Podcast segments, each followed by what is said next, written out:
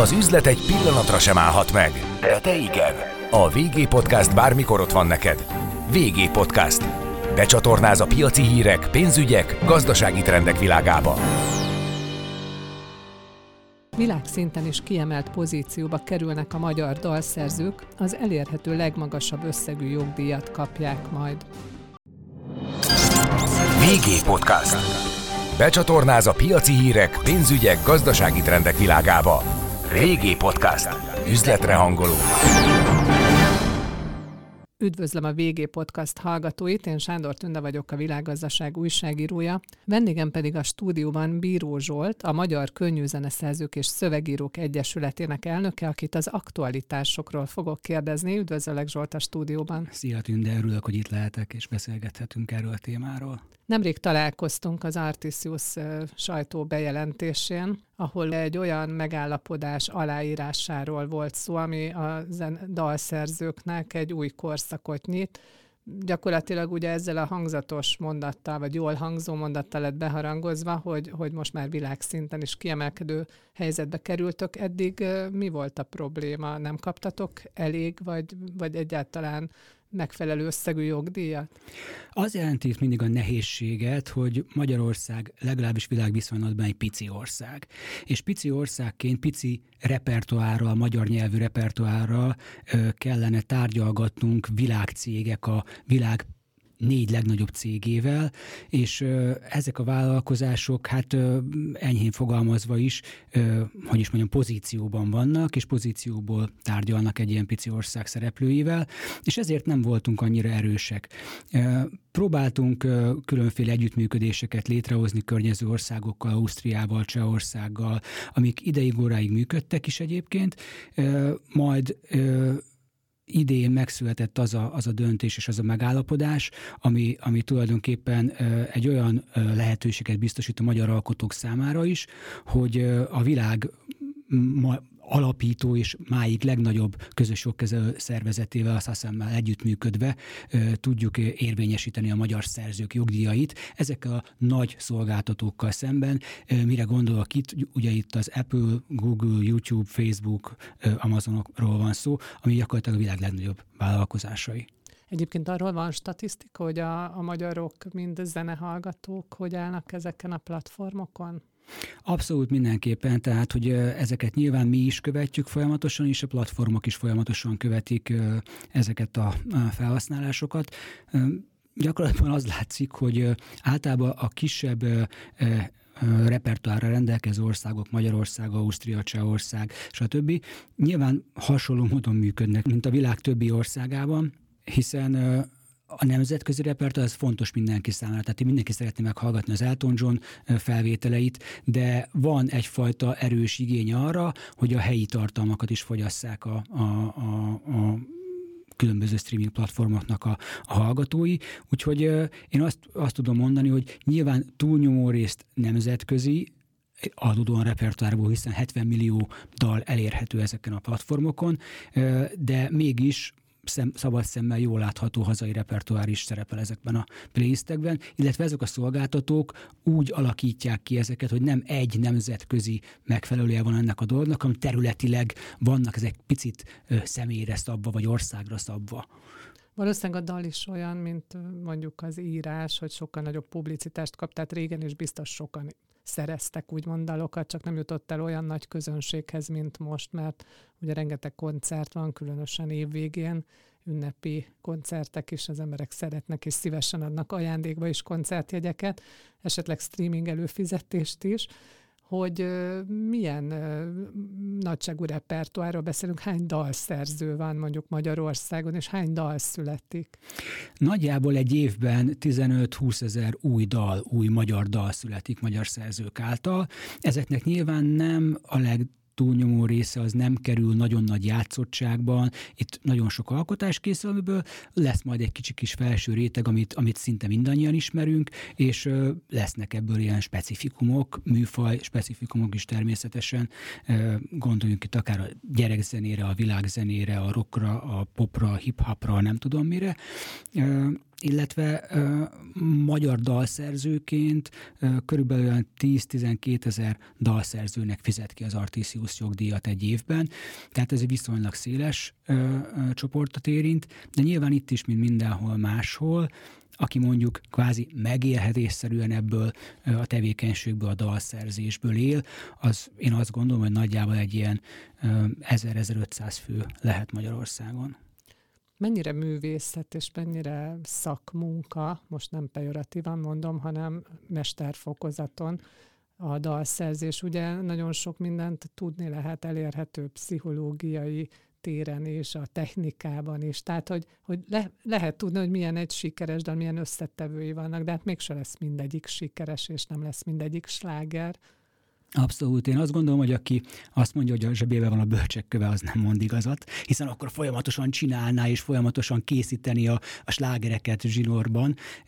Ez nem, ez nem így működik. Tehát, hogy én azt látom, hogy vannak dalok, amik beindítják az embereket függetlenül attól, hogy, hogy hol élnek, az ország melyik részébe. Mondjuk, ha kifejezetten magyar dalokról van szó, akkor vannak olyan gondolatok, amik, amik, amik összeérnek mindenkinek az agyában, és az abból lesz igazán sláger.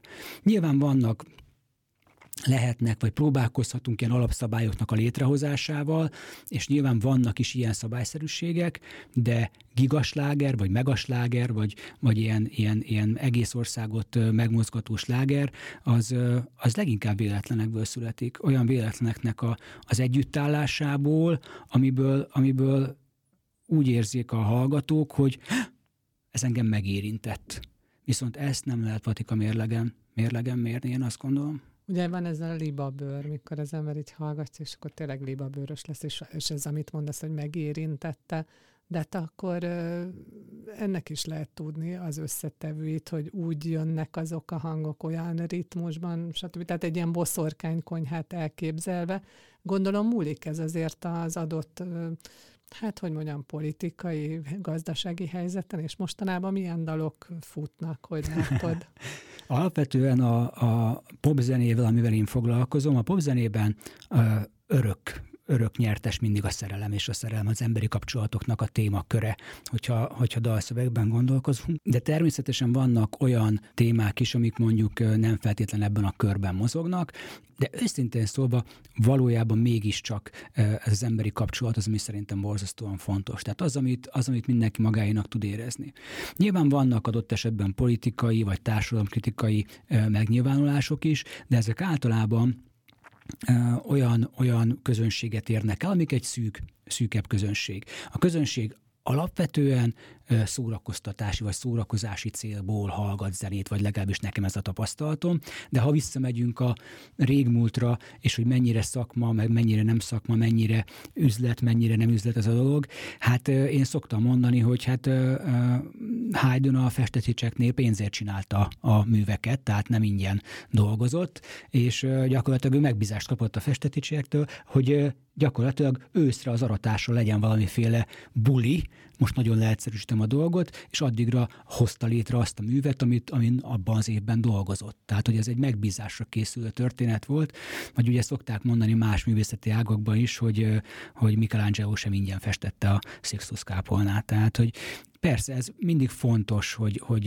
én azt gondolom, hogy legyen mögötte egy megélhetése az alkotóknak, hiszen az alkotóknak is kell valamiből élni, de igazán remek művek, azok, azok művészetből és alkotásból születnek, még a popzenében is. Tehát a múzsákat nem tudjátok hanyagolni? Nem, nem. Hát szokták mondani egyébként alkalmazott zeneszerzők, ugye vannak olyan típusú zenék, akik mondjuk, amik mondjuk ilyen, mi úgy hívjuk, hogy funkcionális zenék, tehát ilyen szignálzenék televíziókban, ami elindul egy műsor főcíme, stb., amit kvázi megiratnak kifejezetten azzal a céllal.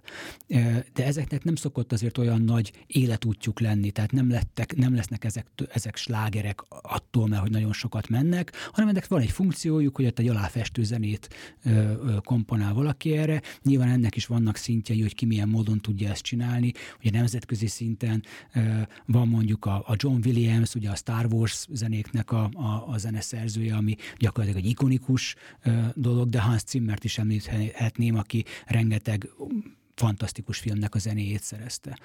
mennyire tudja átvenni a mesterséges intelligencia a zeneszerzők feladatát, hogy elképzelhető-e az, hogy, hogy géppel pontosan olyan zenét szerezni, ami, ami hatásos, mondjuk akár ilyen szerelemre kom, kom, na, komponálva. Vannak már ilyen oldalak egyébként, tehát én is nézegettem és tesztelgettem már ilyen típusú weboldalakat, ahol egy gomnyomásra néhány ilyen paraméter jellemző beadásával, hogy milyen a hangulata, milyen a hangszerelése, abból generál a mesterséges intelligencia egy dalt, és végül hallgatható, tehát nem mondom, hogy, hogy, hogy, hogy nem Üresnek hallgatható. érzed azt, ami uh, meg, lehet, meg lehet mondani, hogy ez gépz, úgymond gépzene, tehát hogy... Így kifejezetten megmondani nem lehet. Nem kézműves zene. Egy picit, egy picit olyan érzésem van, hogy van egy olyan kategória, amit mi úgy hívunk, hogy lift zene. Tehát amikor így valami hát, háttérben halkan szól, nem zavar senkit, nem bánt senkit, de nem is emlékszem a dallomára. Egy picit ilyen érzésem volt ezeknél a generált mesterséges intelligencia által.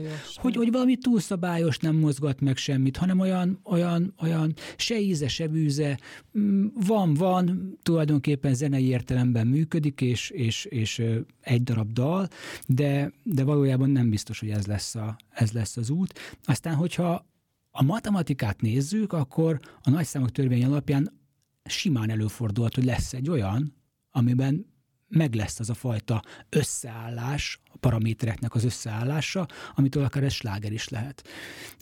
A fotó világában, meg a grafika világában már vannak olyan algoritmusok, amik tényleg úgy működnek, hogy szeretnék egy pacalpörköltet szegfűvel, és nem tudom milyen ásványvízzel az asztalon, és ezt így legenerálja a, a, a gép, Viszont, viszont nyilván ez biztosan hasonlítani fog egy másik hasonlóra, amiben mondjuk két hasonló paraméter egyezik, és ettől nem lesz mégsem annyira egyedi, hogy az érdekes legyen. Nagyon nagy kérdés egyébként a mesterséges intelligencia, illetve annak a használata ezekben a dolgokban, mert ilyenkor felmerül a kérdés, hogy itt ilyenkor ki a szerző, ki az alkotó. A gép, aki nem személy, vagy a gépet programozó ö, ö, ember, aki, aki felprogramozta fel, öltöztette ezekkel a képességekkel a gépet. Nagyon nagy kérdés. A jogászok ezen most még gondolkoznak nagyon. Többször lehetett már olyat hallani, hogy egy-egy zene, tehát hogy egy-egy kis részletét egy-egy ismert, akár ismert zenének is megvásárolta valaki, vagy fölhasználta, olyanok is, hogy engedély nélkül ilyen esetek is.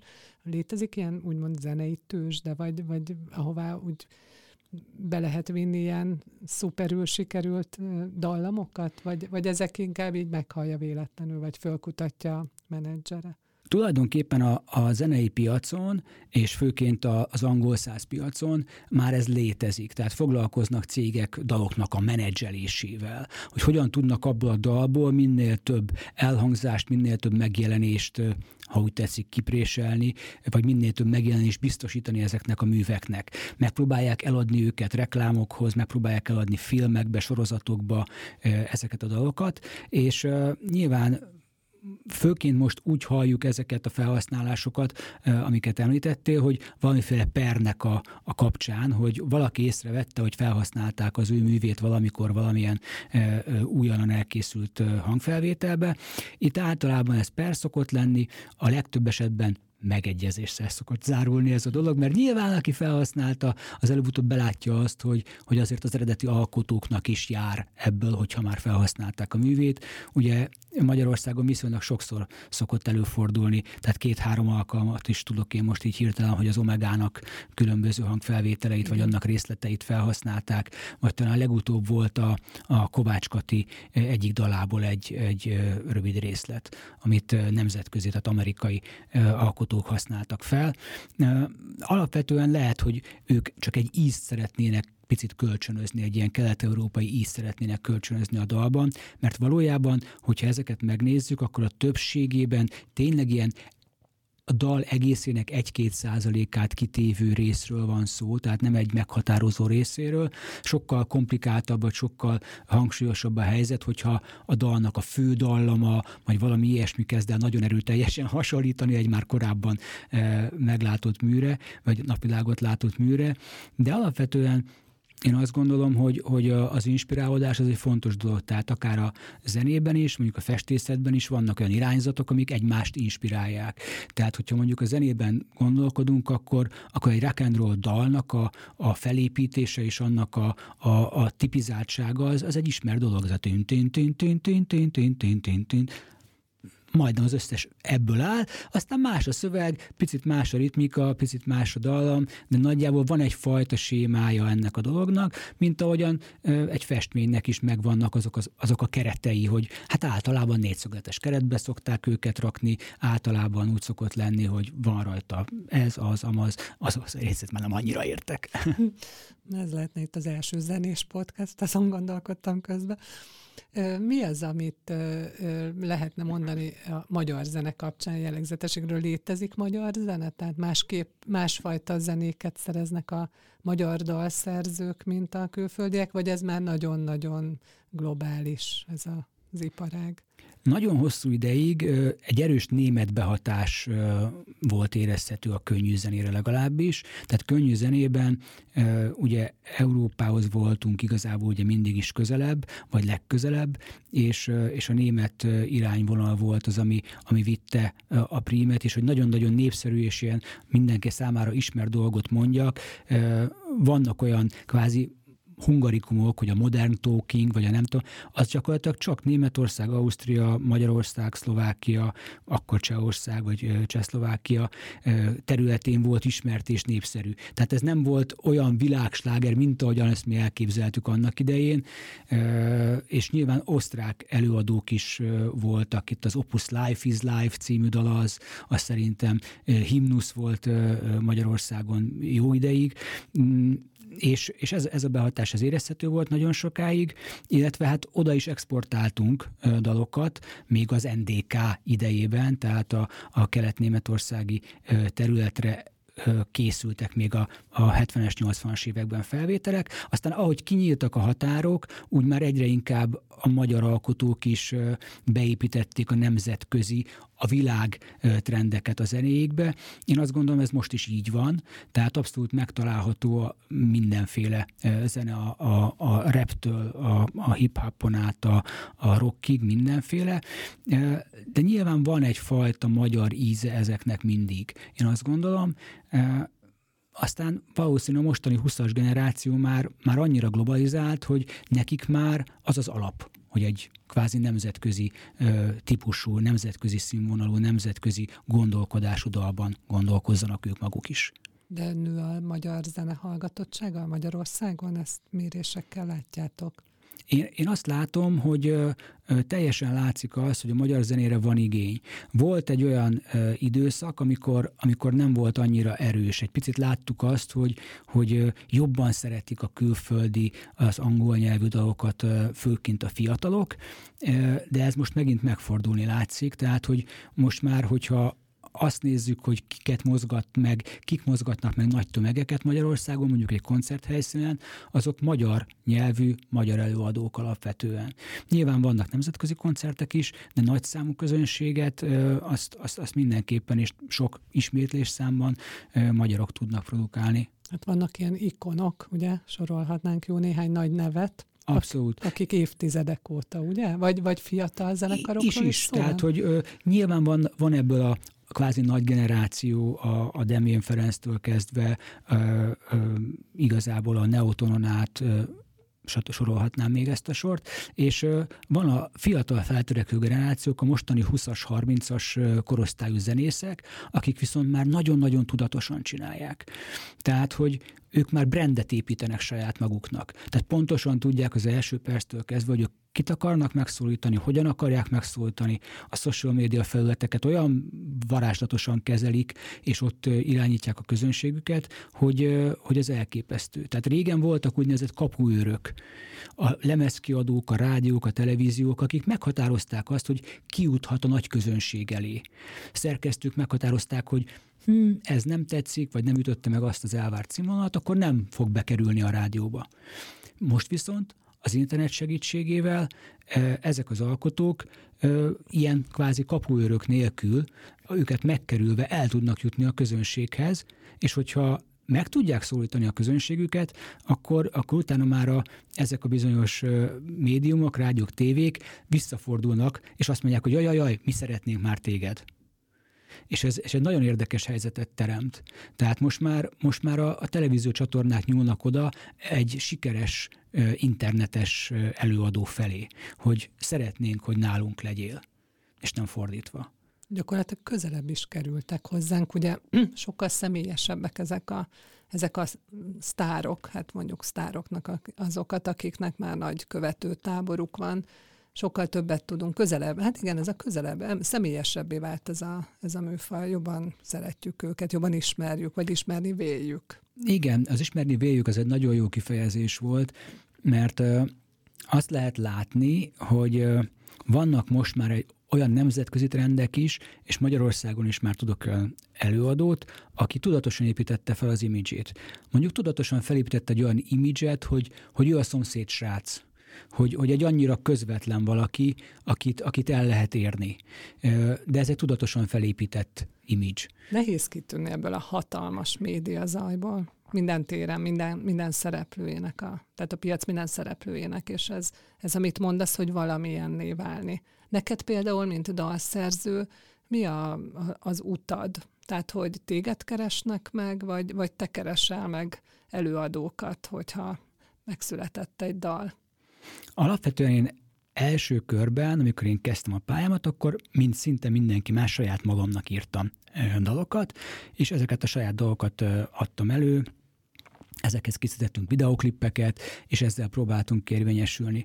Aztán én egy picit elkezdtem visszavonulót fújni és a háttérben ö, működni, mert ö, úgy éreztem, hogy ö, voltak, ahogy elteltek az évek, 10 15 év eltelt, már nem éreztem azt, hogy én mondjuk a, a fiatalokkal, a feltörekvő nemzedékkel tudnék azonos hangon beszélni és kommunikálni velük és ezért tudatosan próbáltam átformálni az én zeneszerzői tevékenységemet olyan feladatokká, amik, amik nem azt igénylik, hogy én legyek a középpontban, hanem én a háttérben ezeket megcsinálom, és most én főként ilyen televíziós háttérzenéket készítek, televíziós műsoroknak a, a szignáljait, aláfestőzenéit, és ez is egy külön műfaj, és egy külön, külön szakma, és egy külön nézőpontot igényel. Tehát itt fontos az, hogy például ne legyen annyira nagyon karakteres.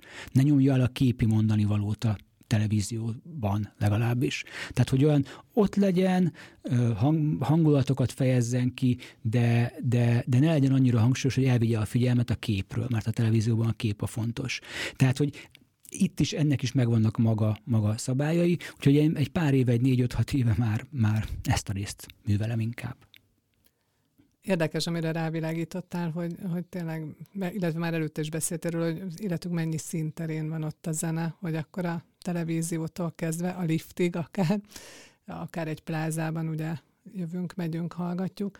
Ez egyébként mind, mind jövedelemforrás. Ugye a lejátszásokból kaptok ti, szerzők, előadók jogdíjakat, ezek a jogdíjak, ezek változnak azzal, hogy infláció van például, vagy pedig pont azért nem nőnek, mert hogy sokkal több helyre jutnak el, tehát több helyről jön ez a ritka, vagy sűrű fillér akkor. Az Artisius minden évben korrigálja elsősorban az inflációval a, a tarifatáblázatát. Ugye ezt úgy kell elképzelni, hogy a különböző felhasználási módokra különböző jogdíjak, egyfajta tarifatáblázat, egy díjtáblázat létezik, tehát hogyha mondjuk egy bevásárlóközpontban szól a zene, egy fodrászüzletben, egy koncerten, egy televízióban, egy rádióban, ezeknek mind-mind külön díjszabása van.